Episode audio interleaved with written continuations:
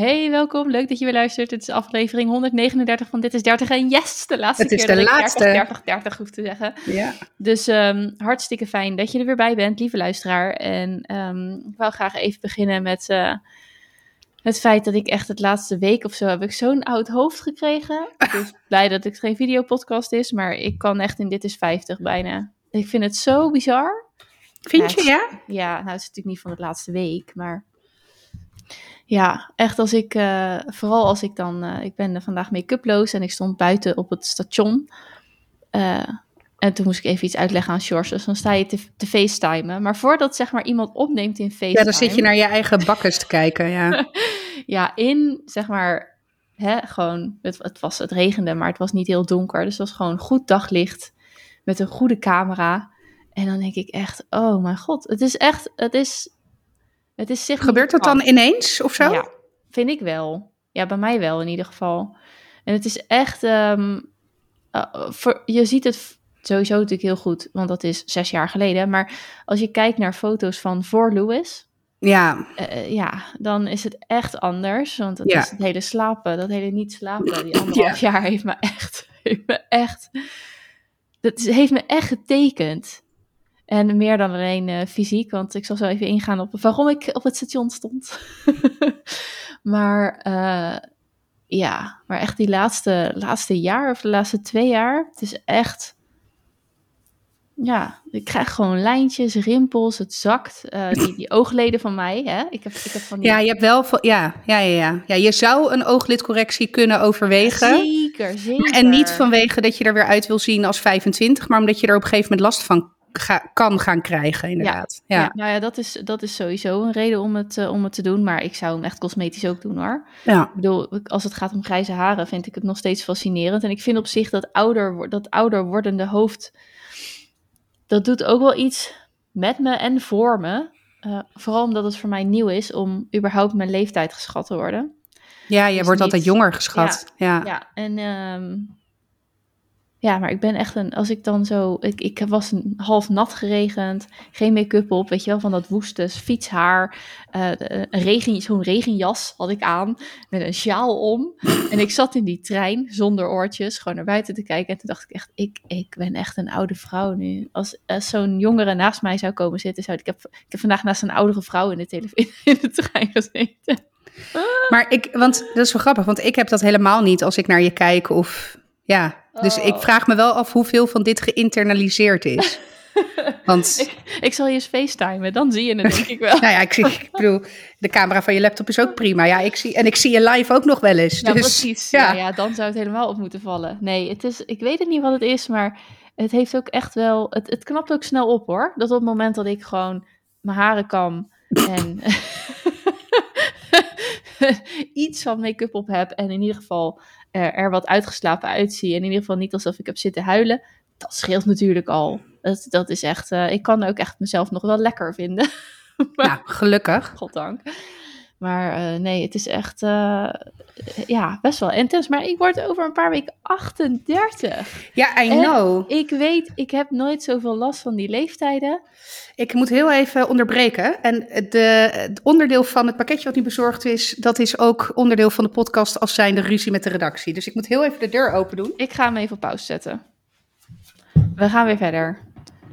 Eh, ja, dus ruzie met de redactie, pakketje, het staat allemaal op de lijst. Laat me even Komt zo. over Ja, de leeftijd. Want eh, 38 is toch wel echt... eh, ik vind bijna 38 ouder klinken dan 41.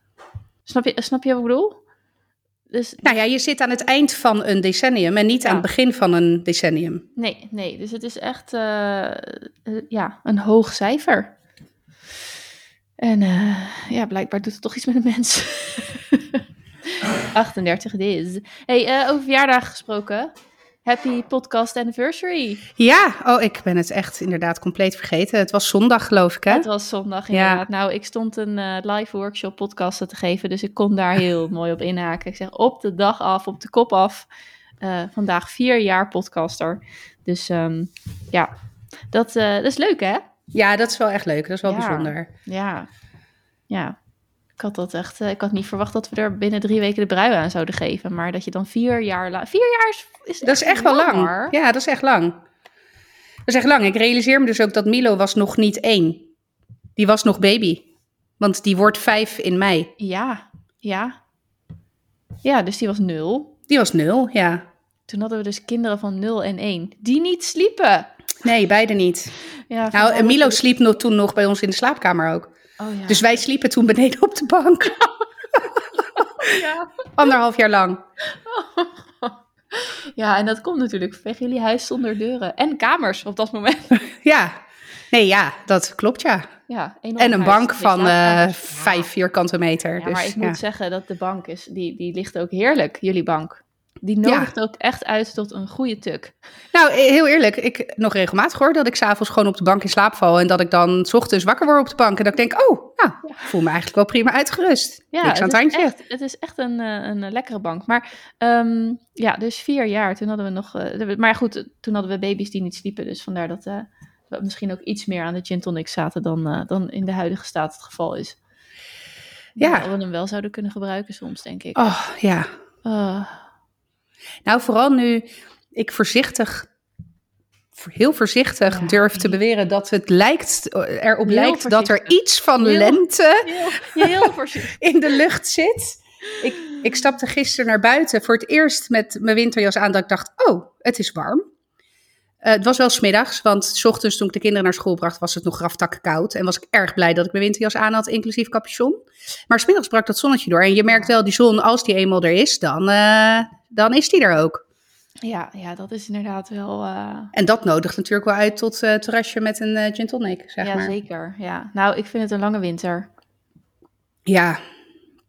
Ja, eens. Nou, ik kan me herinneren dat, we wel, dat ik wel eens in februari in een t-shirtje, en zeker bij ons in de tuin, want wij zitten natuurlijk op het zuiden, Ja. zonder wind, volle zon. Dus dan heb ik echt wel met enige regelmaat in februari in de tuin gezeten met mijn kop koffie of zo, weet je wel. Nou, die behoefte heb ik echt eh, werkelijk waar nul keer gehad tot nu Nee, toe. gewoon niet. Niks. Nee. Echt niet. Nee. Nee, nou ja, goed. ehm, eh, op naar het voorjaar dan maar. En ik... eh, ja, vertel eventjes, eh, want je hebt ruzie met de redactie. Echt, hoe krijg je ruzie met Frank? Dat is gewoon knap. Ja, nou ja, het, het, kijk, wij, dankzij jou scheiden wij nu ook Oh. al, ik denk zo'n drie jaar, ons afval. Dus we hebben drie van die tassen in eh, onze voorraadkast staan voor plastic, karton en Glas? ja, glas en statiegeldflessen, want die doen we samen in één zak. Ja. En ehm, ik, ik moet heel eerlijk zeggen, ik denk dat ik in die drie jaar wel geteld één keer die zak heb geleegd. Dus dat is echt eh, de taak van de redactie. Eh, die die overigens zichzelf heeft toegekend hoor. Dus helemaal prima. Ik vind het namelijk een crime en hij vindt het helemaal best.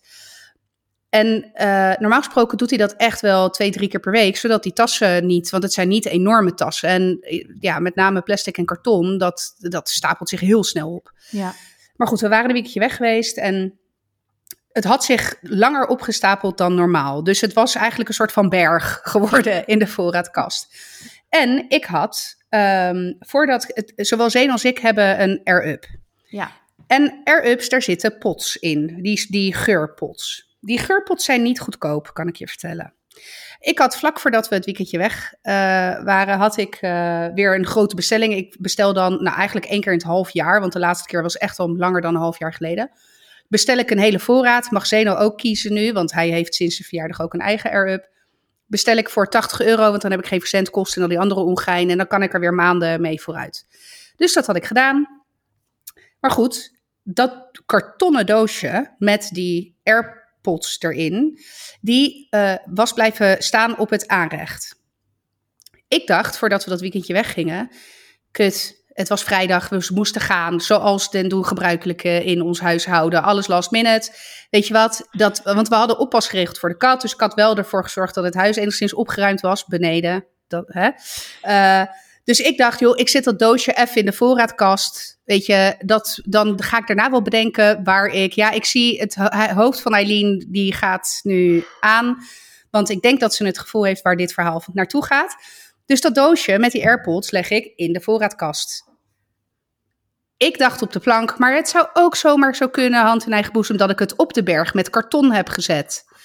Met als in mijn achterhoofd, dat ga ik opruimen eh, zodra ik terugkom. Eh, we kwamen terug. Frank ging zijn wekelijkse afval, eh, of twee weken, weet ik veel. In ieder geval, die ging weg met de dozen karton en plastic en alles. En de dag daarna had ik trek in een nieuwe AirPod op mijn Air-fles. Dus ik zei van, joh, er staat een doosje in de voorraad. Frank die ging dat al regelen. Ik zeg, joh, er staat als goed is een doosje in de voorraadkast. En het duurde best lang voordat hij, zeg maar, terugkwam met mijn fles water. Dus ik, en ik, toen dacht ik meteen, want dit is een ruzie die we één keer eerder al hebben gehad, met de, het opzetstuk van de Dyson. Oh, Dus ik dacht meteen, ik denk, shit, ja. die heeft bedacht dat dat doosje natuurlijk ook gewoon oud karton was. En heeft dat doosje weggeflikkerd, inclusief 80 euro aan AirPods. Fuck. Nee. Of AirUppods moet ik zeggen. Ja, ja, dus nou, we hebben alles ondersteboven gehaald. En dat is de enige conclusie die gemaakt kon worden. Oh, wat erg. Ja, dus, ehm, Wat dus we hadden- kut. ja. Oh. Dus hey, weet je, in his defense, ik, ik snap het, hè, want er, Ja. er, er stond een kartonnen doosje op de berg karton die weg moest. Dus ja. Maar wat ik, wat, ik zei dat tegen hem, ik zeg, ja, maar schat, je hebt echt moeite moeten doen om dit weg te gooien. Want het doosje was niet plat. Ge, Weet je, normaal gesproken maken we de doos plat. Ja. Hij zegt, ja, dat klopt. Ik heb op een paar dozen nog gestaan om, Oh. om ze plat te krijgen. Oh. Maar het is, het is, mannen missen nuance. Ja, Het is de, het is, ze hebben geen signaal van subtiliteit, waardoor, zeg maar, de, hè, het is gewoon, karton moet in bak. En, dan, en dan gaat het karton ook in de bak. Dus het signaal, hmm, karton weegt zwaar, mogelijk nog met inhoud. Nee hoor, niet. zit er niet Of in. moet ik opstaan? Wordt nog steeds niet plat. Ik heb nu rondjes in mijn voeten staan. Maakt niet uit. Oh, wat erg. Wat eh, Echt alle liefde voor Frank hoor, sowieso. Ja, Maar nee, het is- het- Dat ze zeker. nuance missen, kunnen ze niks aan doen. Maar oh, wat erg. Ja, dus ik, eh, ja, ik was ook echt, echt wel eventjes eh, vertiefd. En hij ook hoor, want hij heeft Ja, ook echt enorm van Ja. zichzelf lopen balen. Maar goed, het pakketje wat net bezorgd was, was, was dus wederom 80 euro aan, aan AirPods. Dus, maar die ga ik nu straks, zodra we klaar zijn, meteen maar even opruimen. Ja, precies. Hou het bij je. Ja, Ja. oh mijn god. Ja, nee, wij zijn ook tegenwoordig in het eh, rijke bezit van een Air-Up. Nou, ik dacht inderdaad van de week hem te zien in een van je stories. Toen dacht ik nog, hey. Hey. Ja, zeker. Ja, wij hebben een achtjarige met... eh, nou, blijkbaar is hij toch gevoelig voor trends. Ja, Ja, dus hij heeft al vroeg al een paar keer wanneer mag ik een Air-Up? En ehm, ja, eh, nou ja, je weet het, het is flinke uitgave. Het ding is vijf, eh, 39 euro aan zich. En dan inderdaad nog van die pots erbij. Dus ehm, eh, nou, over nadenken, over nadenken. En op een gegeven moment eh, hadden we dus afgesproken, want hij neemt, hij nam eh, in de kleine pauze en in de middagpauze een beker mee naar school. En in de ene beker zat taxi met water. En eh, moet ik er dan toch bij zeggen voor mijn eigen, ik ben wel een goede moeder hoor. Maar eh, dus ik, sinds jaar en dag krijgen ze taxi of appelsap mee. Of limonade heeft meestal nog wel een tijdje gehad. En ik doe altijd een plens water erbij. Daar ben ik toen mee begonnen. Toen meestal naar school ging, dacht ik van nou, dan krijgt hij in ieder geval, als ik dit nou elke dag doe, heeft hij elke dag een extra plens water binnen. Nou, ja. we zijn inmiddels vier jaar verder. Nou, dat, it adds up. Ehm, anyway, dus, eh, dus toen hebben we gezegd van, nou, het is, een, eh, we het is veel geld. Je wil hem graag, je wil hem ook mee naar school nemen. Betekent dat dan dat, je geen, dat dit gewoon een fles is voor je? En toen wouden we eigenlijk zeggen de middagpauze. Want die, in de middagpauze nemen ze sojamelk mee, bananen en aardbeien. Nou, dat kost ook, eh, is ook van goud tegenwoordig. Dus ehm, eh, ja, doe je dat dan in plaats van je aardbeienmelk? Eh, ja, nee, maar de kinderen doen het ook voor allebei de pauzes. Dan drinken ze de helft in de ene pauze en de andere helft in de andere pauze. Oké, nog beter. Is dat dan je plan? Ja. Oké, nou dan doen we het. Dus inderdaad, hij heeft een Air-Up gekregen, een Ocean Blue. En met eh, citroenpots, want ik was dan nog wel weer zo'n eh wokie die dan vindt dat je geen cola pot op erop mag zetten. Maar laat het dan in ieder geval een natuurlijke smaak zijn. Dus dat hij dan hopelijk later water met citroen gaat drinken in plaats van cola. Hè? Ehm, dus dat, eh, maar dat wou, dat wou hij zelf eigenlijk ook al. Dus die rant had ik voor me kunnen houden. Maar eh, dus hij heeft citroen gekozen en een blauwe Air-Up. En hij is tot nu toe eh, zeer tevreden. En ik ook wel. En volgens mij is die eerste pot zit er nog steeds op. Maar volgens mij is die smaak al lang eruit. Ja joh, je, officieel kan je volgens mij, weet ik veel, eh, Vijf liter of zo. Ja, zoiets. Maar ik heb dat ding ook altijd weken erop zitten. En dan denk ik op een gegeven moment van, oh ja, nou, nu smaakt het echt naar niks meer. Ja. Vandaar dat ik ook gewoon prima een half jaar doe met een bestelling waar je dan normaal gesproken misschien maar twee maanden. Ja, maar die dingen zijn echt wel duur. Ja, wat is het? dat Dus- is een zakje van drie. En dat is dan citroen. Is dan nog een van de hè, goedkoopste smaken. Volgens mij was het zakje van drie s- 7,50 wil ik Ja, zeggen. zoiets, ja. 7,95? Ja, ja, het zit tussen de 5,95 en 8,95 geloof oh, ja. ik. Oh ja, nou dan zal het misschien die 5... Mm, nou, anyway. ehm, en dat zijn dus drie van die, eh, van die potjes. Ja, Ja, dus ehm, ja, we hebben er ook één. En in principe tot nu toe wel heel tevreden. Dat wel. Ja, nou ja, wij ook. Kijk, eh, Zeno die heeft hem uiteindelijk voor zijn verjaardag gekregen van Ja. zijn klasgenootjes. En eh, ik ben wel een loedermoeder die cola pots heeft gekocht. Tuurlijk. Maar ik moet zeggen, die gebruikt hij eigenlijk niet. Hij vindt, ehm, of nauwelijks, hij vindt die basilicum citroen. Die heb ik bijna Oh, standaard ja. erop zitten. Die vindt hij erg lekker. Die vind ik, vind ik ook de lekkerste. En ja, net zoals nu met nieuwe pots bestellen. Ja, dan wil hij van alles uitproberen. En denk ik, ja, prima, weet je wel. Doe maar. Ehm, maar Zeno, die eh, heeft eigenlijk altijd alleen maar water mee Ja. naar school gekregen. Dus dat was voor ons eigenlijk een upgrade ten opzichte Ja. van wat hij normaal gesproken meenam. Maar jij kinderen die- zijn wel goed in het drinken van water. Ja, die, allebei trouwens. Het is, Ja. hier, het is hier echt water of dan eh, melk. Gewone melk. Ehm, en Zeno mag in het weekend één glas cola. Oh ja, ja. Sinds een paar maanden. Nou ja, goed, prima. Eh, maar that's it. Verder hebben ze ook... Kijk, en wij hebben dan... eh, op het moment dat er een verjaardag is... dan komt Fristi en Taxi in huis. Ja, we hebben trouwens ook altijd wel appelsap in huis... maar dat wordt eigenlijk vrijwel alleen maar in de smoothie gebruikt. Want Frank maakt wel regelmatig smoothies. Maar daar pleurt hij dan ook groenten in. Dus dat is dan nog een soort van... De smoothies van Frank zijn Ja. onvolgbaar. Zeker. Hoe die het doet, doet hij het. Maar Ja. Het Nee, ik, ik gewoon. mag in ons huis eh, thuis, dus ik mag geen smoothies maken. Nee, dat snap ik. Maar die van mij zijn ook echt niet te nassen. Ik, ik kan dat dus niet. Het, ik heb echt Maar wel eens het je- geprobeerd en dan is het gewoon zo smerig. Maar je kan er hetzelfde in gooien en dan smaakt het niet. En hij doet het. En het is gewoon hartstikke lekker. Ja, ik heb er zelf ook van mee mogen genieten. Het is Ja. echt waar. Ja, Maar eh, nee, maar dat dus... Oh ja, dus de upgrade. Maar en neemt hij het dan ook mee naar school dan? Zeker, ja, ja. ja. ja, ja. En het is 6,5 eh, of 650 milliliter wat erin kan. Die is ook eigenlijk altijd leeg als die thuis komt. Oh ja. Dus eh, ja. Ja, ik doe er iets van een halve liter water dan in. En ehm, ja, die is ook wel meestal wel leeg, geloof ik. Maar ja, tegenwoordig haal ik ze niet heel veel meer uit school. En zie ik ook heel vaak... eh, niet hoe de inhoud van de tas eruit ziet. Ja. precies. Dus eh, ja, het is... het, ik, ik had er een beetje... Ik had ook een tegenreactie, zeg maar, daarover gelezen. En toen dacht ik, ja... ja, ik ook op LinkedIn. Eh, oh nee, ik zag iets op Instagram voorbij komen. Maar Oké. dat ging, ging dan inderdaad ook wel over dat je je hersenen... Daardoor Ja. was ik natuurlijk geïndoctrineerd. Dat ik denk, nou dan maar geen cola. Want dan ben ik tenminste nog eens semi... eh, Ja, het ging er dan inderdaad over dat je, de, dat je de hersenen voorprogrammeert op het drinken van frisdrank op een latere leeftijd. En dat je kinderen dus niet gewend raakt of laat raken aan het drinken van gewoon Nee. water. Nee. Ja, en dat ging bij mij natuurlijk ging er helemaal niks op aan, omdat Nee. mijn kinderen al heel goed water drinken. Dus ik had zoiets van ja, oké, ja, het zal. Ja, nee, daarom. Ja, bij mij ging het wel dat ik dacht van, oké, nou, fair enough. Maar ja, weet je, ik drink zelf ook bijna nooit water. Het is koffie, het is thee, het is eh gember, thee of gemberwater. Want soms laat ik dat gewoon afkoelen. Ja, Eh, en dus dat zijn eigenlijk de drie dingen die ik drink op een dag. En eh, als er dan iets van, nou, cola is het dan, maar dat is met vlagen meer. En ehm, nu is het dan een sparoot, maar met een schijfje citroen erin ja. echt, echte, echte citroen, zeg maar. Ehm, dus ja, wat kan ik? Ik voel me ook een beetje dat ik denk van ja, wat kan I say? Ik doe het zelf in principe ook niet echt. Gewoon echt gewoon puur en alleen water drinken. Dus ehm, nou ja, dan maar citroen. Dan hoop, je, hoop ik dat hij er later een schijfje citroen in knikkert. En ehm, ja, geen idee. Ja, of gewoon ze er-up blijft gebruiken tot in het einde der dagen. Ik bedoel, ik, Ja, heel eerlijk, ik heb hem eh, voor de zomer gekocht. Ik merk wel dat ik er in de zomer dus meer gebruik van maak dan in de winter. Maar ook omdat gewoon mijn behoefte aan water dan eh, blijkbaar groter is. Maar ik heb vanochtend hem ook alweer gevuld en twee keer gevuld. En hij is nu eh, nou, eh, op een kwart na weer leeg. Dus dat is toch nou, 1300 milliliter water wat ik zo naar binnen heb gewerkt. Ja. ja En, de, en ik ben daar echt minder koffie door gaan drinken. Oh, dat scheelt wel. Ja, ik merk echt dat ik... ik heb echt een, ta- een tax aan koffie nu. Want ik word helemaal hyper en ge... Dus... eh, Maar het is lekker, hè? Koffie? Ja.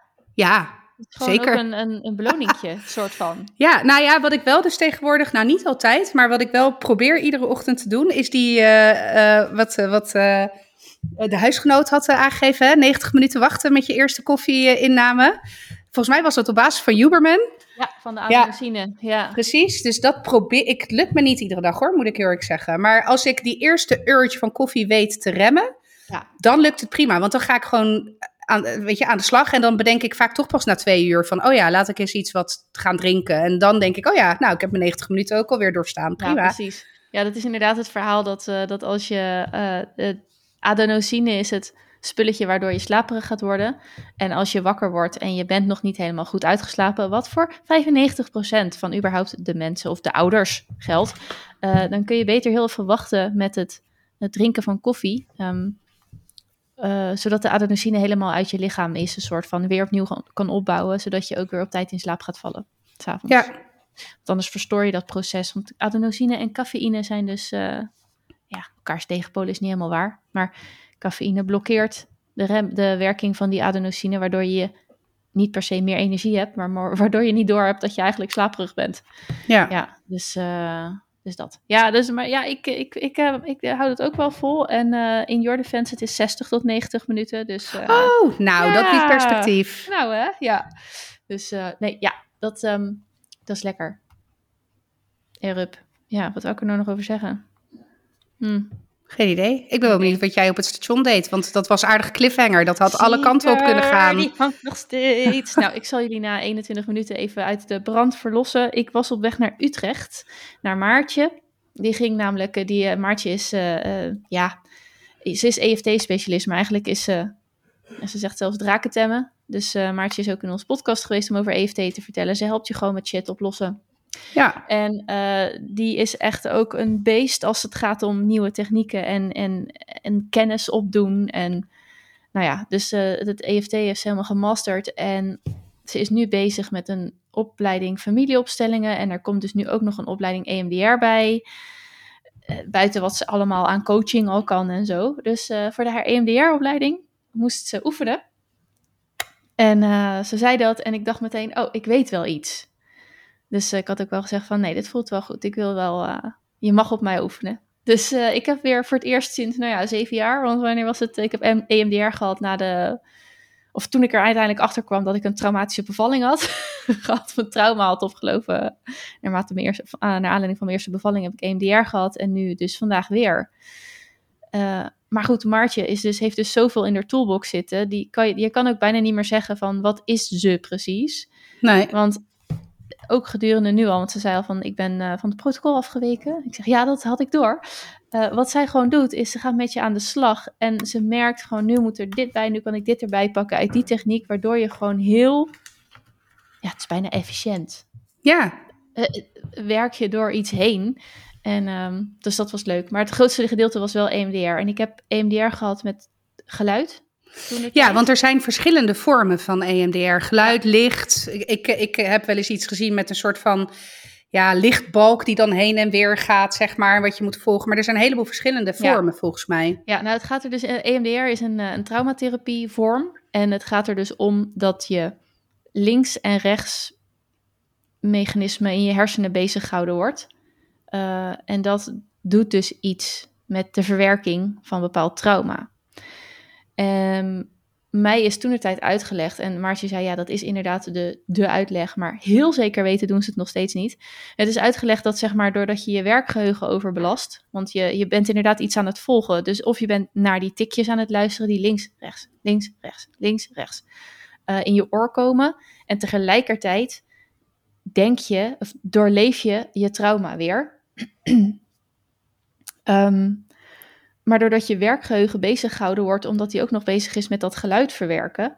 Of met het kijken inderdaad van links naar rechts, van links naar rechts, van links naar rechts. En vandaag had ik iets nieuws. Dat is namelijk, ehm, ze klopte of ze eh, gaf ja, klapjes op, op mijn handen. Links, rechts, links, rechts. Dus ik had de fysieke vorm deze keer. En ze vroeg ook, vind je dat oké? Ik wil het graag uitproberen. Ik zeg, ja, die vind ik wel oké. Want het kijken voor mij, ehm, even voor de luisteraar, het- je beweegt dan, ze zou dan de vinger heen en weer bewegen. En ik moet dan met mijn ogen die vingers volgen. Maar als ik tegelijkertijd me een situatie voor moet stellen die ik verwerkt wil hebben, dan vind ik het fijner om mijn ogen dicht te doen. Ja. Dus de, voor de een zal inderdaad het, het volgen met de ogen fijn zijn. Voor mij zou dat het sowieso niet zijn. Uh, vorige keer heb ik het dus inderdaad met uh, een koptelefoon met geluid gehad. Dat werkte voor mij echt heel goed. Wat me niet verbaast bij jou trouwens, hè, omdat je nee. hè, enigszins auditief bent ingesteld. Nee, en daar, daar zal ik zo meteen ook nog, eh, nog iets meer over zeggen als we ingaan op het punt. Um, uh, dus dat werkt goed. En toen zei zij, dus wil je deze variant proberen? Ik zeg, nou, dat vind ik ook wel uh, prettig. Nou, je weet, ik ben niet per se heel fysiek. Maar goed, Maartje zit wel echt in mijn inner circle. Dus dat ja. voelde wel goed. Ik kan mij voorstellen dat als je bij een therapeut komt die je of niet goed kent, of waar je op zich wel een klik mee hebt, maar niet per se bij op schoot wil zitten, bij, bij, bij wijze van spreken, dat je denkt, nou, je hoeft mij niet aan te raken. Maar dit was goed, dus we gingen zeg maar uh, tegenover elkaar zitten, knie, knie tegen knie soort van. En ik legde mijn handen met de palmen naar boven op mijn bovenbenen. En zij deed haar handen met de palmen naar beneden. Links, rechts, links, rechts, links, rechts. Er zachtjes op. En ondertussen gingen we dan het protocol van EMDR doen. Uh, werkte uh, als een, uh, als een jacko. Dus dat was weer heel, heel fijn. Maar inderdaad, om even op het auditieve terug te komen. Want ik had twee situaties meegebracht. Waarvan ik er één had gekozen. Omdat ik daar heel specifiek een scène van stil kon zetten. Dat wist ik nog vanuit mijn bevallingstrauma um, therapie. Uh, daar, dat vond ik trouwens toen ook wel lastig, want ik kon over heel die bevalling vertellen. En er waren verschillende momenten waarop ik echt heel veel pijn had en daar zeg maar zo wanhopig van was. Uh, maar ik had er één moment van gekozen en dat heeft toen best, um, best wel heel veel wegge weggenomen. Nou, dat had echt nog wel wat beter gekund hoor, maar dat was voor doen echt een wereld, wereld van verschil. En nu dacht ik van ja, ik heb twee dingen waarvan de ene wil ik eigenlijk liever, maar daar kan ik niet echt een één heel specifiek moment van naar boven halen en het andere wel. Nou, uiteindelijk uh, had ik, legde ik die twee dingen voor en toen zei ze, ja, wat zou jou het beste helpen? Nou ja, ik weet nu al, dat was dus het, waar ik niet één moment van stil kon zetten. En dat was, we hadden het er net al even over, het niet willen slapen of het niet kunnen slapen van Louis. En ja. het dus ook niet kunnen slapen van mijzelf. En daar dat wordt regelmatig nog getriggerd door. Um, maar volgens mij herken jij dat ook. Dat op het moment dat je slaapt en je hoort een kind die wakker wordt. En dat je ja. Het, het, je nekharen gaan over je. Het is een fysieke reactie. Het is een fysieke ja. reactie. En dat is, uh, dat is niet nodig. Want inmiddels slaapt, nou ja goed, jij slaapt om een andere reden wat minder goed. Maar inmiddels slapen we in principe om onze kinderen prima. Um, en is het helemaal niet geen gevaarsituatie meer, want ze zijn gewoon een keer wakker. Of ze zijn een keer ziek s'nachts. Of ze moeten. Of ze dromen wat luider. Dromen. Dat heeft ja. Milo heel erg sterk, weet je wel, ja. Ja, dus, dus je hoeft daar helemaal niet zo'n ontzettende stressreactie van te hebben. Maar gewoon misschien wat irritatie omdat je wakker bent. Maar ja, dat is niet, um, het is niet passend bij de situatie, die reactie. En... Ik heb het zelfs als ik uh, het hoor als ik niet slaap. Dus uh, stel dat ik lig, ik ben gewoon beneden nog, want wij gaan natuurlijk wat later naar bed dan, uh, dan jullie. Dus het is echt met enige regelmaat dat we dan nog beneden zitten en dat Milo dan even wakker wordt. Dus zelfs als ik niet slaap, dus als ik niet uit mijn slaap word gehaald, dan nog is mijn eerste primaire reactie dat. Ja, ja. en ik, ik, ik, I may be overstepping hier, maar ik denk dat ik het soms ook zie bij gillende kinderen bij Frank. Ja, ja, dat denk de, ik ook. De, als, ja. Je ziet, ja. het is, dus de rust zelf, maar ik zie ja. dat, want kinderen gillen gewoon, want die zijn aan het spelen. Maar je ziet gewoon af en toe dat ik denk van, oh ja, en ik heb jullie natuurlijk ook meegemaakt met jullie oudste, die, uh, die echt gilde van de buikpijn eigenlijk, vanwege een koemelkallergie. Dus um, ja, dus dat, dat, en je weet het, je ziet het gewoon bij een andere ouder gebeuren ook. Hè? Je weet precies wat die nou ja, het is echt een, een, een vecht-vluchtreactie. en ik heb uh, nogal een vechtreactie ook. Als het, uh, ik ben het slechtst tussen tien en half twee. Als ik dan wakker gemaakt word, dan ben ik echt... Maartje zei, ja, dan kom je uit je graf. Ik zeg, ja. ja, maar echt. Ja. Dat is... Dan moet je echt uit zo'n graf komen. Ja echt exact dat. Nou, en daarna gaat het wel, weet je wel. Daarna functioneer ja. ik aardig in de nacht. Maar tussen tien en half twee of twee is, het is, laat, dit is gewoon nee. Ik, I can't. Dus wat, uh, nou, onze, onze oudste, die is uh, bijna 16, die gaat inmiddels ook later naar bed, al een tijdje, dan wij. En die kan soms met verven nog zit het, uh, wat hoe heet dat, hoe heet dat kutspel? Um, Fortnite. Oh ja. Ja, zit hij dan te spelen. Of soms nog wel eens FIFA. En dat, uh, nou, dat, dat zijn hartstikke gezellige geluiden, want hij lacht zich schil. En, uh, maar dat is wel een brul of een geel of een lach. Nou, dan, op het moment dat ik dat hoor en daar wakker van word om tien over elf. nou, ik, maar, maar dan, dan krijg ik letterlijk een vechtreactie. Ja, dus dan heb je de eerste primaire reactie is een high five met een stoel in iemands gezicht. In, nou, in ieder geval tegen de deur. Oh ja, nou, vooruit. Ja, ja, dus dat is uh, voordat uh, veilig thuis wordt gebeld. Ik zie mijzelf geen kind slaan, maar ik zie mijzelf wel bijvoorbeeld echt een trap tegen de deur geven of iets. Ik ben van het gooien, hè. Mijn, um, ja. Ja, ik gooi, eh, als ik, als ik mij niet meer kan inhouden of als ik mijn hele primaire reactie heb, dan gooi ik spullen. Uh, dus dat, ik zie mezelf echt, weet ik veel wat, tegen zijn deur aansmijten of zo. Het gaat natuurlijk nergens over. Hè? Dit is niet echt een reactie die A zinvol is, of B pedagogisch verantwoord, en C uh, überhaupt ja, nuttig. Gezond, ja, gezond. ja. Nee, ja, of logisch is. Lo ja, nee, ja. het is niet dat je daarmee het probleem oplost. Nee, door... je, het probleem lost zich namelijk op door naar hem toe te gaan en te zeggen: Ik word wakker van jou. Ja. En dat is, je kan daar dan best wel boos over worden. Maar, dit, nou ja, goed. Dus dat, um, uh, dat vond ik problematisch. Want ja, de, hoe dan ook, als je zo'n stressreactie krijgt, dan val je daarna ook niet heel lekker meer in slaap. Nee, dus want heb je hebt zelf... je adrenaline shotje al lekker gehad. Exact. Ja. Dus je zit door het dak en dan, nou ja, dus het is echt een clusterfuck, zeg maar. Ja. En dat is echt een favoriet woord van mij, joh, de laatste Clusterfuck? clusterfuck ja, oh. ja. Omdat hij zo lekker klopt. Nou, dus, um, afijn, wij gingen dat aanpakken. En um, uh, dat was uh, heel waardevol weer. En uiteindelijk, ja, maar dat gebeurt natuurlijk allemaal altijd met dat soort dingen. Je begint met één ding en dan ga je de wondere wereld van je eigen neurale, neur, neurale patronen in. En dan stresslijntjes, noemt Maartje dat. En dan kom je van allerlei situaties tegen of, of gevoelens of weet ik veel. En altijd, dat zij, zij grapt ook wel eens, het zijn ook altijd de moeders, weet je wel. Je komt altijd, je komt altijd familiedingen, lijnen tegen, of richting je kinderen, of weer terug, of weet ik het nou allemaal. Nou, daar kwam van alles boven. Maar juist omdat zij natuurlijk dat pakket aan uh, therapieën heeft, ja, gingen we daar onwijs lekker, nou lekker. nou ja, het resultaat is lekker, maar vaak is het proces erg vermoeiend. Ja, ja. ja echt weer binnenste buiten getrokken, maar wel weer iets ontdekt van, um, ja, uiteindelijk was dus het moment dat uh, wat we vastpakten was een, een soort van algemene voorstelling die je kon maken van het feit dat ik Louis weglegde, helemaal, weet je wel, ingebakerd, al die, al die kutmaatregelen die je dan neemt om te zorgen dat hij kan slapen als baby, uh, op zijn buik. En uh, nou, helemaal uh, nam ik allemaal, dan ging je hem wegleggen en dan leek hij gewoon in slaap van dat hij zelf was ook echt, ja, teffens moe natuurlijk, omdat hij ook niet gewoon goed, gewoon niet goed sliep. En dan ging je daarnaast liggen in bed en dan was je een beetje aan het wegzakken. En dan twintig minuten later begon hij met, weet je wel, zo'n Ja. babykreuntje. Ja, ik kan ja, niet eens goed oh. nadoen, maar dat, ja, dat. Ja. Nou, je voelt hem gewoon. Ja, En nou ja, dan was het dus echt herrijzen uit je graf, want je moet. ja. Ik kan natuurlijk ook George wel aantikken, maar ja, je deelt dat, hè? die verantwoordelijkheid in principe. Dus je moet. En, ehm, en dat gewoon wekenlang. Ehm, en voor hem is het ook niet fijn.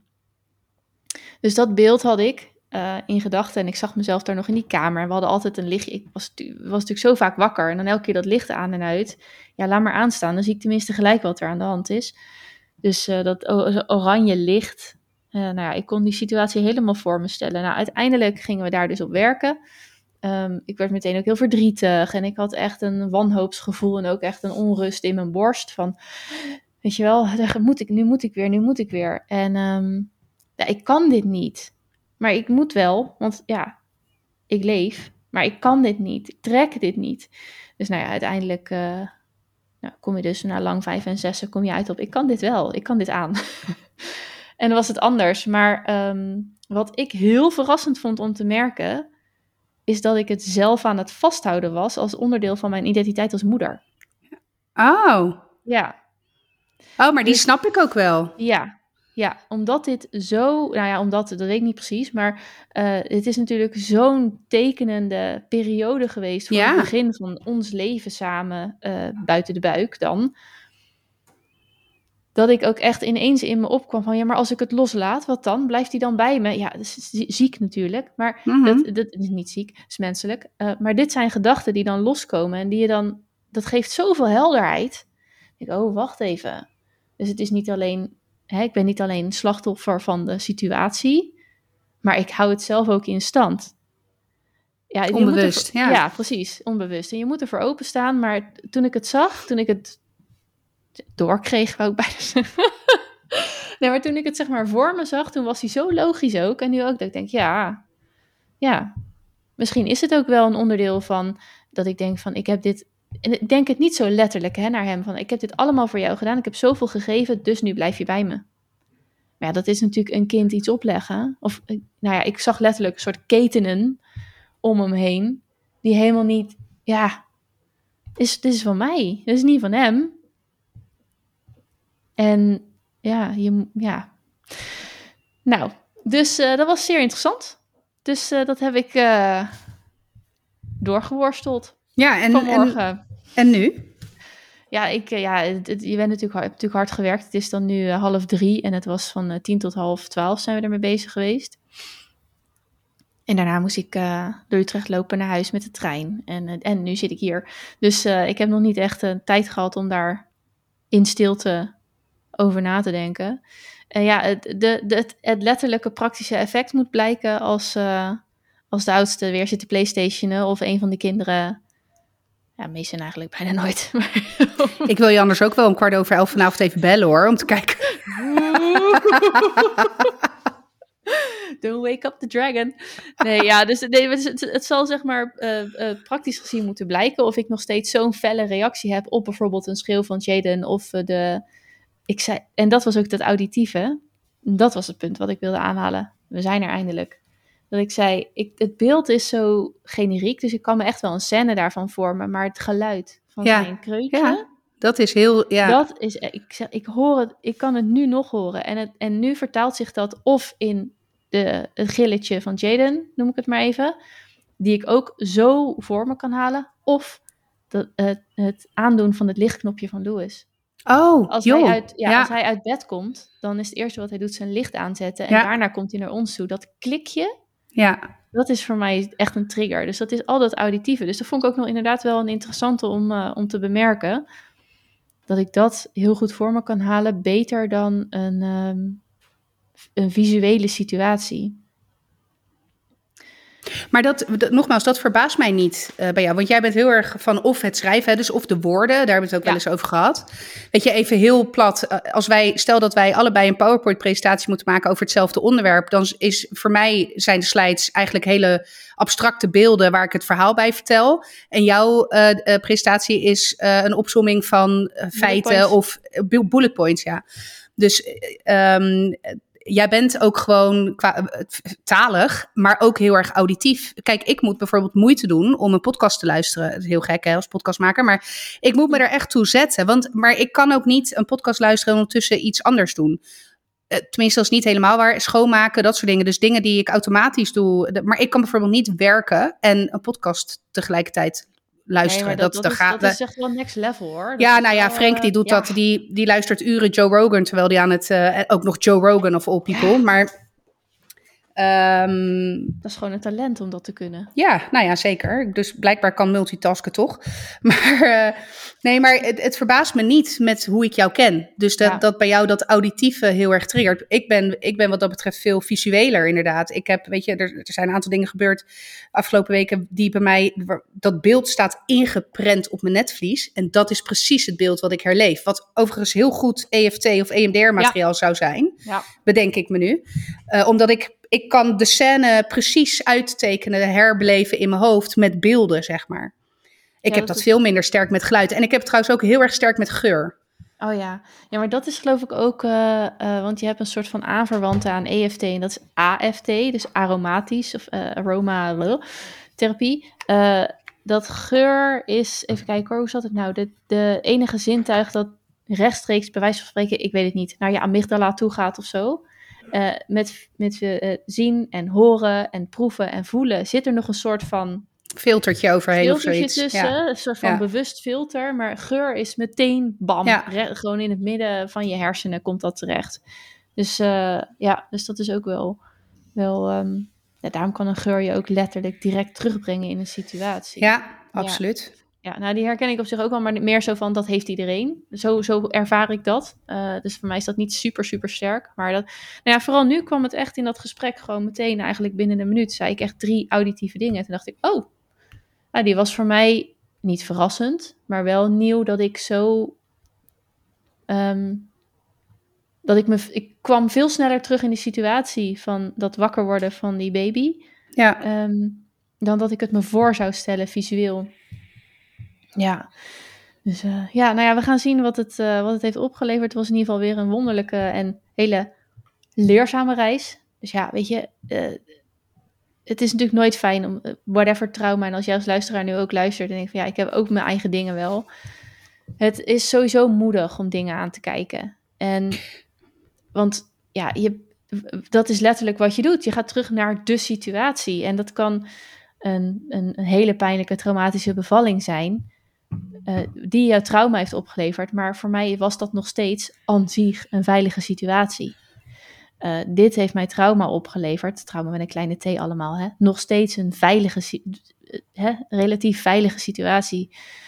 Ja, er zijn natuurlijk mensen die uh, veel andere dingen meemaken. Die, die ook intenser kunnen zijn. En dan is het sowieso heel belangrijk. Nou ja, Maartje is sowieso een goede traumatherapeut. Maar ja, je kunt, als ik terugdenk aan hoe ik EMDR heb gehad toen der tijd bij die psycholoog, dat heeft ze echt wel goed gedaan, maar het was wel het protocol afdraaien.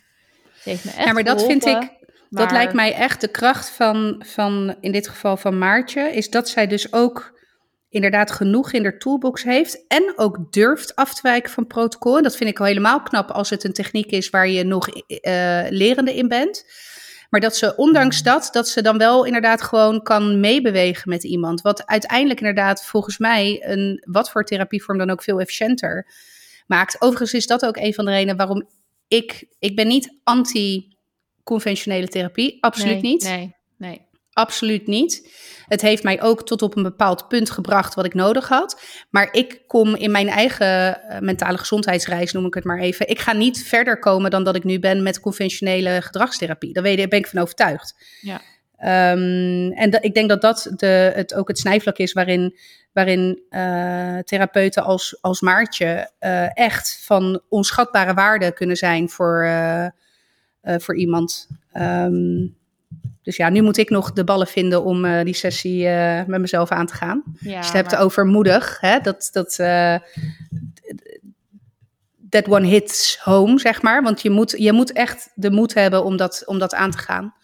En ook de moed kunnen hebben, vind ik, om te zeggen: Oké, okay, nu even niet. Alleen nu even niet moet ja. niet een valkuil zijn of iets zijn waar je je achter blijft verstoppen. Ja, nee, dat is inderdaad. Het is, het is moedig aan alle kanten. En wat voor mij waar ik mezelf daarin, uh, nou niet downplay, maar voor mij is het semi-makkelijk praten, omdat ik ook dingen aanpak die, wat ik zeg, met een, die hebben een best wel een veilige rand uiteindelijk. er zijn nog nooit echt mensen veel te ver, gigantisch, jarenlang over bepaalde grenzen heen gegaan, die gewoon zo'n zo'n diep spoor achterlaten. I have my, hoe zeg je dat? I have my skeletons in the closet. Ik heb echt wel mijn skeletten in de kast. Is dat dan? Ja, in Nederlands is dat echt helemaal ruk. Maar maakt ja. niet uit. Nou, ik heb echt wel dingen. En zo heeft iedereen dat, want niemand komt. Jij hebt draken. Ik heb ja. juist, ik heb draken om te temmen. Maar ja, voor de een is dat echt een. Uh, dat is de draak veel gruwelijker dan de ander. En dan is het echt wel. Ja, ik, ik denk als je echt complexe uh, trauma's hebt, dat het. Het, sowieso inderdaad de praattherapieën. Als je nog nooit therapie hebt gehad, dan is praattherapie. Ja, heel goed, heel goed startpunt hoor, heel absoluut. Goed startpunt. Gewoon Zeker. eerste lijnspsycholoog. Ga je het erover hebben. Leer er woorden aan te geven. Al zijn het misschien niet de allergenuanceerdste ja. woorden. Maar überhaupt dat het uitgesproken is in je, tegen iemand. En um, ja, dat merkte ik ook wel. Want je bent dan bezig met vertellen van waar, waar zit het hem dan in? En voor mij is het, is het talige ook echt zo belangrijk. Want op een gegeven moment was het van... Um, uh, ja, ik kan dit aan was voor mij een lastige gewenste over de on- ongewenste overtuiging was ik trek dit niet en dan zou de andere overtuiging zijn eh, ik, ik, ik trek het wel. Ja. maar ik zeg ja, dat, daar moesten we echt even over praten voordat ik daar het juiste gevoel bij gaf, want ik kan het aan. Dat is wel de tegenhanger van ik trek dit niet, maar ik kan het ja, ik zeg ja, ik wist wel dat ja, hoe ik het ja, hoe ik het deed, deed ik het. Ik kon het wel aan, want ik leef en ik wist dat ik zou leven. En, eh, Ja, je dus had, Je, je- er was geen doodsnood op dat. Het was niet een, een de, als je het hebt over, eh, nou ja, hè, een veilige tussen airquotes Ja. eh, situatie. Het was niet een situatie over leven en dood. Nee, en, en in die zin dacht ik, zou het, was het misschien voor mijn systeem wel. want je systeem is natuurlijk heel zwart-wit, hè? Ja. Je gaat dood. Ja, Ehm, eh, voor mijn systeem wel het idee van, de- ja, als je dit doet, ga je dood. En nu moet je daar tegenover, je moet er tegenin, want je moet iets met die baby.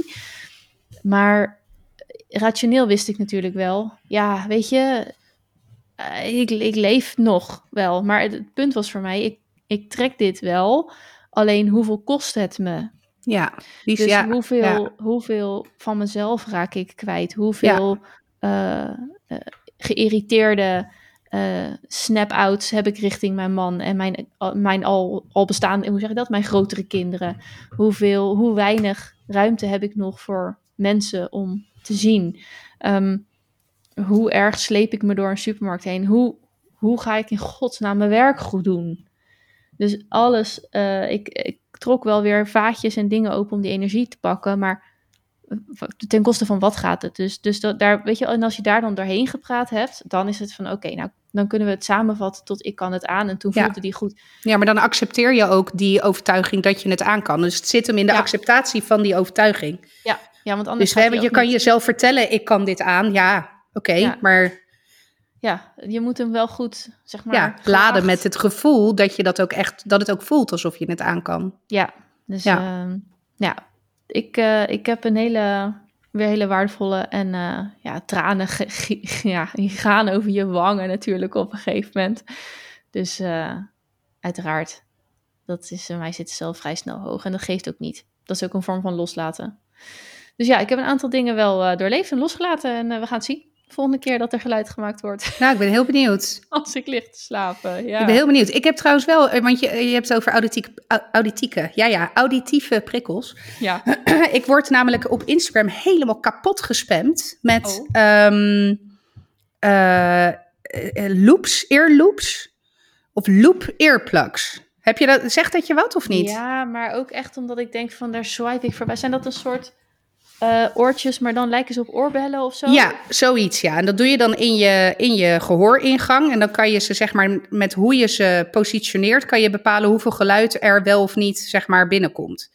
Ik swipe het ook altijd voorbij hoor. Maar eh, het, toch de laatste paar keren ehm, eh, had ik wel zoiets van, nou, misschien dat ik, dat ik het toch een keertje ga proberen. Want ik merk dat ik eh, op het moment dat er veel herrie is, dan, dan kan ik op een gegeven moment niet meer filteren. Dan komt alles binnen alsof het met eh 80 decibel. eh, ja. ja. En dat heb ik met name inderdaad, dus daar zit bij mij ook nog wel wat, met name met gillende kinderen. Ja, die Dat- per definitie is dat al, gaat het al door merg Ja, heen. En Ja, per definitie word je al door een gillend kind als volwassene, gaat er al iets aan van ik moet iemand redden. ja en dan blijkt precies. het niet zo te zijn en dan denk je, ja, jezus. Ja, waarom gil je dan, zeg ja, maar? precies. Ja. Dus laat staan als je dan dit er ook nog bij optelt. Ja, Dus, eh, maar goed, ik dacht, eh, ik, ehm, nou ja, dat eigenlijk, dat ik dacht, hé, hey, dat zou nog wel een eh goede kunnen zijn. Maar goed, die dingen zijn ook weer 40 euro, dus dan denk ik, ja, weet je, ja 40 we moeten euro hier, ons 40 euro daar. even sponsoren. ja, precies. Ja. Precies, loop earplugs. Hashtag loop earplugs. Er is vast wel een of andere AI die dit hier uithaalt en die dit, eh, deze ontzettende grote tip aan Loops Earplugs doorgeeft. Precies. Ja, mooi. Mooi dingen. Ehm, ja, met het risico dat ik nog meer ga vertellen. ik heb nog wel wat op mijn lijstje staan. Dat mag. Ja, wij hadden van het weekend weer een ziekenhuisepisode. Ja. zijn op de eerste hulp geweest. En bij de kinderarts met Louis met weer een astmatische aanval. Nou, gelukkig waren ze saturaties wel goed deze keer. Dus we konden naar huis met prednison. Maar we hebben nu wel een onderhoudspuffer meegekregen. En eh, daar vind en voel ik van alles bij.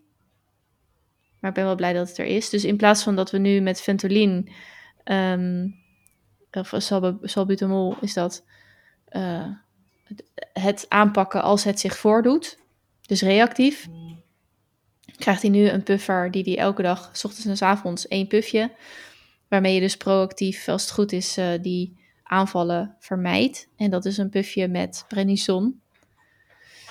Um, waardoor hij elke dag eigenlijk een heel, hele lage dosering en ook heel lokaal, waardoor het dus veel beter is dan prednison, zeg maar gewoon uh, als een drankje of als een pil te nemen. Uh, heel laag en heel lokaal krijgt hij dus een ontstekingsremmer elke dag tot, uh, ja, tot, tot, tot een ik denk gewoon dat het een paar weken moet totdat de winterperiode echt voorbij is. En dan even kijken of die het, uh, of die het doortrekt. Gewoon ja, dus als je zeg maar de virale fase voorbij, of tenminste hè, ja. Natuurlijk, word je aan alle kanten bestookt met allerlei scheidvirusjes. Ja, ja. ja. en moet hij dan in het najaar weer? Dat weet ik niet. Maar uh, nee. ja, dus dat is de volgende fase wel in, uh, ja, astmaland. Of, nou ja, hij heeft natuurlijk nog geen officieel gediagnose, de diagnose astma niet. Maar het is uh, viral induced wheezing. En um, ja. Zijn er nog hoepels waar jullie doorheen moeten springen? Dat klinkt een beetje gekscherend, maar om een astma-diagnose te krijgen? Of, uh, ja, en wat maakt dat dan uit, zeg maar? Nou, je moet sowieso, moet hij, het begint met een longfunctietest. Oh ja, dat was het, ja. Ja, een vijfjarige is, dat, uh, ja. is dat gewoon lastig uit te voeren. Ze maken het wel leuk hoor, hij heeft het gewoon wel geprobeerd. Uh, maar ja, je moet, je moet gewoon op een bepaalde manier heel hard uitblazen in één keer. Ja. En, en natuurlijk ook um, uh, je mond daarbij gesloten houden om een ding heen. En dat zijn gewoon handelingen die niet elke vijfjarige, of de kat springt even op het bureautje hier, um, uh, gewoon kan, kan uitvoeren. En dat lukte hem. Uh, nou, het, was, het was een hartstikke gezellig ochtendje bij de longfunctietest, maar het lukte hem voor geen zak. Dus dat, uh, dat, is, dat is een van de, van, de, ja, van de onderzoeken, of het onderzoek. Ik weet het niet precies waarop astma wordt vastgesteld. En tegelijkertijd is het ook nog zo dat de ene kinderarts bedenkelijk kijkt en zegt: Ja, uh, ja peuterastma, daar groeien ze overheen, maar hij is geen peuter meer. En de andere kinderarts die kijkt hem aan en die zegt: Nou, daar groeit hij nog wel overheen hoor. Dus hij zit in een soort van limbo-leeftijd. Ja, ik hoop, ik ben natuurlijk fan, sowieso zijn we allemaal fan. Want is de, de desbetreffende kinderarts die jij ook kent, die, uh, die vindt dat hij er overheen groeit. Dus yes, ik ben. Daar staan we gewoon eensgezind achter, achter deze dokter, zeker. Deze dokter, ja, ja, ja graag, graag, deze dan, als dan een, uh, een vervolg. Ja, nee, dus uh, ho hoewel het allemaal goede kinderartsen zijn hoor, maar. dus ja, dat is een beetje gekkig. En het voelt ook een beetje gekkig, omdat we nu, ja, ja, en nu? Weet je wel, zit je aan de QVAR. Uh, we hebben dan de 23ste nog, krijgt hij nog een hartecho. Um, ja, vanwege zijn, uh, zijn, zijn broer, die ook, die, ook iets aan zijn hart heeft. En um, dus dat is niet gebruikelijk bij een astmatisch aanvalonderzoek, maar meer van ja, dit is gewoon het hele verhaal. Ja, vanuit genetische historie, weet je, je kan het maar beter gewoon uitsluiten, toch? Ja, en uh, voor mij was het ook nog wel zo dat hij, als uh, Lewis een astmatische episode heeft, dan heeft hij dezelfde look, vermoeide, bleke look met kringen rond zijn ogen als, um, als zijn broer dat vroeger had. Als hij te ja, dat kan, ik, dat kan ik beamen, ja. ja. ja. Dus, ja, het is een heel typisch, heel, heel typisch klinisch ja. beeld bijna. Ja, ja. ja, dus dat is als je het dan over vis visueel trauma hebt. dat uh, was het enige wat we dan, uh, wat ik in ieder geval uh, kon zien. En uh, George herkende dat ook wel. Dus, en dokters allemaal prima hoor. Dus we gaan gewoon voor een hartecho. Maar niet, echt niemand verwacht daar iets van. Maar het is gewoon goed om een keer gedaan te hebben. in zijn geval. Dus ja, dus dat is dan nu de status. En, um, en we, gaan het, um, we gaan het verder zien. Hij is er nu in principe doorheen. Uh, ik vind nog wel dat hij wat, wat reutelt. Maar uh, ja, we kunnen gewoon Ventolin blijven gebruiken en op een gegeven moment afbouwen. Maar ja, weet je, ik zat s'nachts. Uh, je mag per, per keer zijn acht puffjes. En dat is dus 80 keer ademen. Is wel de max. Er staat eigenlijk zes. Maar wij hebben wel gezegd van nou, acht dan. Maar goed, er werd wel gezegd, op het moment dat je acht puffjes gaat geven, moet je gewoon wel contact opnemen met de dokter. Want dan zit je echt wel ja. aan een, ja, dat, dat, ik op een gegeven moment die nacht heb ik hem zeven keer gepuft. En toen was hij klaar. En het had gewoon geen zak uitgemaakt. Hij klonk nog steeds benauwd, benauwd, benauwd. Ja, dan voel je je wel echt een verkutter. Ja, tuurlijk. Echt, ja, jezus. Maar als je het over receptoren hebt. Um, die Ventolin op een gegeven moment zitten die receptoren ook vol. Het werkt, het doet het gewoon niet meer. Eh, Het, wordt, het gaat, hij, hij zakte er gewoon doorheen. Dus ehm, ja, dat was naar. Ja, uiteindelijk eh, eh, was die verneveld één keer door eh ambulancepersoneel hier thuis. En, maar toen we eenmaal op de eerste hulp zaten, knapte hij daar dus een beetje van op. Dus toen was hij wel wat beter. En normaal gesproken is het ook 24 uur. En dat is lang zat voor een benauwd kind. Maar, en daarna is hij er wel zelf weer overheen. En dat punt waren we een beetje aan het bereiken. Dus dat was op zich wel fijn dat het allemaal bij elkaar kwam. Dat we dan gewoon naar huis mochten. Ja. Zo ja. Dus dat was die. Ja, ja, weet je, echt, ja, gewoon super kut. Ehm, je neemt heel vaak gezondheid ook een soort van voor lief, weet je wel. Eh, en als het dan toch wel eh, met je kind gebeurt, ja, dat doet wat met je. Ja.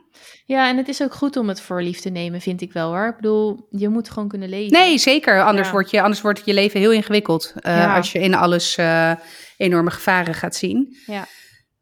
Maar ja, hij heeft nu dus ook, net als zijn broer, 's ochtends en 's avonds medicijnen zo meteen. Ja. Ja. Ja. En dan, ja, het houdt je toch ook bezig. Wat doet het dan met de middelste? Wij gingen, om, ik blijf weer aan het woord.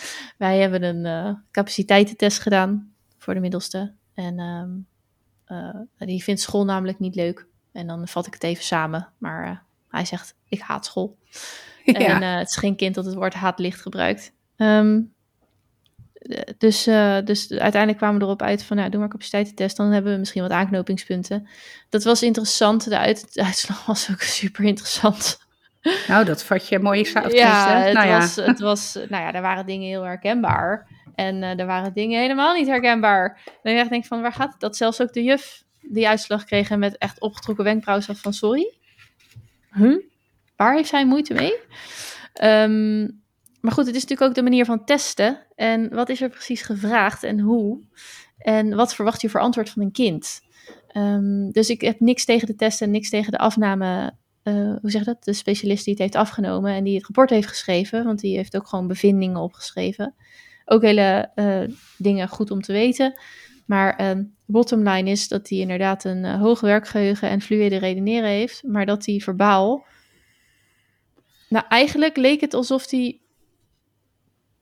Hij kent moeilijke woorden, maar niet, dus niet makkelijk. Hij kwam niet op het woord blussen, maar wel op het woord verdampen. ja. Ja, en dan krijg je dus een. Dat is geen goed antwoord. dus hij geeft geen antwoord als een gemiddelde achtjarige. En daar heb je natuurlijk het hele eierreet al. Dus eh, nou ja, hoe dan ook, het, was, eh, het is inzichtvol. En eh, hij heeft dus wat ze zeggen een disharmonisch intelligentieprofiel. Waarbij hij dus eh, laat zien eh, de ene kant eh, de, tussen aanhalingstekens lagere cijfers. En de andere kant juist weer ja, hele hoge cijfers. Dus ja, ja. Over een paar, geloof over twee weken zitten we weer op school en dan gaan we weer verder kijken. Maar dat, dat houdt het dan ook nog bezig. En dat je ook denkt, daar moest je dus ook invullen van... Ja, hoe is de situatie thuis? Zijn er bij broers, zussen ehm, dingen aan de hand? Ja, nou ja, zijn beide broers hebben dus gezondheidsissues.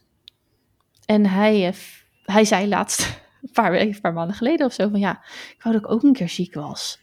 Zodat hij gewoon een keer thuis kon blijven. Ah. Maar ik weet nog wel dat ik dat vroeger Ja. ook wel eens gedacht heb. Ja. Toen ik kleiner was en op school zat. Ik denk van ja, iedereen is altijd maar ziek. En dan zijn ze gewoon lekker een paar dagen thuis. Ik ben gewoon nooit echt ziek. Nee. Irritant is dat. Ja, maar ik snap dat vanuit zijn belevingswereld echt heel erg goed. Ja. Maar dat is hier thuis ook hoor. Als een van de twee ziek is en thuis mag blijven, dan zit die ander echt schoorvoetend. Oh. Terwijl, terwijl ze allebei, zeker Zeno niet, die, eh, die heeft ook een periode gehad dat hij niet minder graag naar school ging. Hij heeft het nooit zo heftig gehad als Mason. Eh, maar wel, eh, nou ja, goed, we hebben dit traject natuurlijk ook met, met Zeno doorlopen. Ja. En bij Zeno, die zit dan nu in die Delta-klas en dat is echt een wereld van verschil. Maar zelf Zeno, op het moment dat Milo dan ziek thuis is, dat hij dan toch wel denkt, oh, maar moet ik dan Ja. ook naar de BSO vandaag? Ja. Ja, ja maar dat is niet eerlijk. Eh, jawel. Ja, het leven is niet Nou, eerlijk. En andersom is het zelfs zo dat als Zeno ziek is, dat we dan zelfs eh, de afspraak hebben dat hij boven gewoon in zijn kamer blijft, desnoods met iPad, totdat we met Milo naar school zijn gegaan. Want Milo heeft ochtends echt nog wel dat het een uitdaging is om hem naar school te krijgen. Ja, en al helemaal als hij ziet dat zijn broer in pyjama op de bank eh, mag blijven. Dat krijg ik er met hem, bij hem echt niet in, zeg maar. En eh, Milo is, heeft een sterke mening. Nou, Dat- ja, dat eh, is quite the understatement, zeg Oh maar. God, eh. het is de kleinste en de lichtste, maar eh, Ja, nou dat maakt hij vol goed met zijn verbale capaciteit om zijn Ja, ongenoegen ja. te uiten, zeg En maar. ja, ja, Ja. ook dat, ja. ja, echt mooi om te zien. ik kan me voorstellen dat het voor jullie niet altijd even handig is, maar het is, het is echt wel... ja, inmiddels ben ik wel zover dat ik er vaker om kan lachen dan dat ik er om moet huilen. Dus da- ja, fijn. weet je. Dat was een paar weken geleden nog Nee, ja, ik wou het zeggen, ik heb wel eens inderdaad hier op 's ochtends gewoon letterlijk jankend naast hem gezeten. Wil je alsjeblieft nu naar school gaan? Ja, ja. ja. Ja. Dat is trouwens ook nog wel een traumaatje hoor, bedenk ik me nu. Dat he- die hele ochtenden, want eh, op maandag en vrijdag breng ik ze naar school omdat Frank dan naar kantoor gaat. En ik heb soms echt al die anticipatieangst Ja. op, oh, als het maar goed gaat. En dan probeer ik echt alle trucken uit mijn trucendoos te halen om die ochtend zo soepel mogelijk. Maar het voelt dan, ik moet wel zeggen, als ik dan terugloop, oh, dan voelt dat echt als een fucking overwinning, jongen. Van yes, Ja. I did it. En ik krijg dan ook standaard een appje van Frank zo rond half negen. eh, hoe ging het met Oeh. jongens? ja. Hoe tref ik je aan? Ja, precies. Nou, ik heb dus echt wel eens hem daarna huilend gebeld. Ik, ik kan dit niet meer. Boe. Nou, dat. Ja. Ik trek dit niet. Nee, nou, nee. Dat, Hè, zo voelt het? dat op zo'n moment ook echt. Ik kan het wel, maar wat kost het me? Ja. Ja, Frank kan hem nog over zijn schouder tillen en hem naar school brengen. Oh, dat, ja. Dat, ja, dat, dat, ja, weet je, als ik het echt zou willen, zou dat me ook wel lukken. Maar dan is het wel ten koste van wat, zeg maar. Dat, ja. Zeker als hij gaat tegenspartelen. Ja, het kan zomaar zijn. Hij is ook, weet je, hij is klein en licht. Maar als hij zijn zinnen ertoe zet, heeft hij echt eh, de kracht om een auto op te tillen of zo. Ik weet het niet. Maar ja. ja, en dan is Frank toch wat sterker dan ik. Dus die kan hem gewoon in een soort van houtgreep over zijn schouder. Die heeft hem ook wel eens op die manier bij de klas volgens mij neergezet. Zo van ja, zeg het maar hoor. Ik wil hem ook wel weer meenemen. Maar eh, Wil je hier iets mee? ja. Dus maar goed. Dat zijn wonderlijke wezentjes, die kinderen. Zeker. Ja. Ehm, ja, dat was het wel zo'n beetje wat ik eh, te vertellen had vandaag. Ja, ik, eh, ik eigenlijk ook. Ik, eh, ik zit nog te denken, heb ik nog een tip? Nee, ik heb niet, althans, het is nog niet een tip, maar ik eh, ben altijd wel fan van de Oscars. Dat vind ik altijd magisch. Oh, was dat weer? Ja, dat was vannacht. Of gisternacht. Nee, het is van zondag op maandagnacht, dus het was gisternacht. En ehm, eh, de grote winnaar is Everything, Everywhere, All at Once. Oké. En dat gaat over meerdere universa waarin dingen gebeuren. Nou, het, is, het schijnt een vrij ingewikkelde, maar wel briljante film te zijn. En wat ik tof vond, was dat het is een eh, met voornamelijk, nou ja, of in ieder geval voor een groot gedeelte Aziatische cast. Ehm, en dat was dus ook wel tof, want eh, de beste vrouwelijke hoofdrol is gewonnen door een Aziatische actrice. Ook al, nou ja, zeker voor Hollywood begrippen op leeftijd, zeg maar. Dat, dat zei ze ook in haar speech van... eh, Don't let anyone tell you you are past your prime. Van, hè, ik ben hier ook gewoon nu eh, met die Oscar. Ehm, dus dat, dat vond ik echt heel tof. En ik vond ook de, eh, de winnaar van de bestelijke mannelijke bijrol. Dat was ook een, eh, een man uit die film. Ik ben zijn naam kwijt. Ehm, maar die, die is dus ook echt als immigrant in Amerika gekomen. Heeft in een vluchtelingenkamp gezeten en alles. Ja, dat was gewoon, weet je, net zoals... Dan staat hij daar met dat beeldje en dan zegt hij... Mom, I got it, of zo. Ja, Oh, nou, tranen ja. met tuiten. Ja. Dus ik, ik hou daarvan. Ik hou er vooral van als dat dan de minderheden gerepresenteerd eh, zijn. We hebben natuurlijk een tijdje eh, geleden, die, eh, of een paar jaar geleden was het Oscar So White. ja. Nou, toen was daar wel een kleine verschuiving richting mensen van kleur die een Oscar hebben gewonnen. Maar nog steeds vind ik niet genoeg. Ehm, nou ja, dit jaar was wel echt opvallend veel mensen met een Aziatische achtergrond die, eh, die wonnen. En, en zij was bijvoorbeeld ook de eerste Aziatische actrice die deze prijs won. Nou ja, dat vind ik al heel veelzeggend. Eh, en Ja. dan met name ook niet eens zozeer. ehm, het, het punt is dat Aziatische mensen deze rollen niet krijgen. Dat is natuurlijk het probleem. Ja, het begint, het begint, het begint- in het proces. Ja. Ja, dus het is niet zo dat Aziatische vrouwen die prijs niet toebedeeld krijgen. Nee, het is nog veel erger. Aziatische vrouwen of mannen, of in ieder geval, hè, of mensen van kleur, die krijgen die rollen niet. En, en daardoor komen ze ook vaak niet in aanmerking voor dit soort prijzen. Dus Nee, we Nou, ik kan- bedenken verhalen en plaatsen daar automatisch een bepaald type persoon in. En da- dat is, dat is, nou ja, daar, zit, daar zit hem die, die, die, die ver, hoe zeg je dat? De, eh, pff. ik zie een soort gang met muren vormen. Dat is die blik. ja, Dus je, ja. het is geen Ja, dat is de tunnelvisie. Ja, het is tunnelvisie. Ja. Dus, eh, dus dat vond ik heel erg eh, tof. Ehm, eentje die er ook nog op mijn kijklijst staat, maar daar heb ik heel erg mixed feelings bij, is The Will.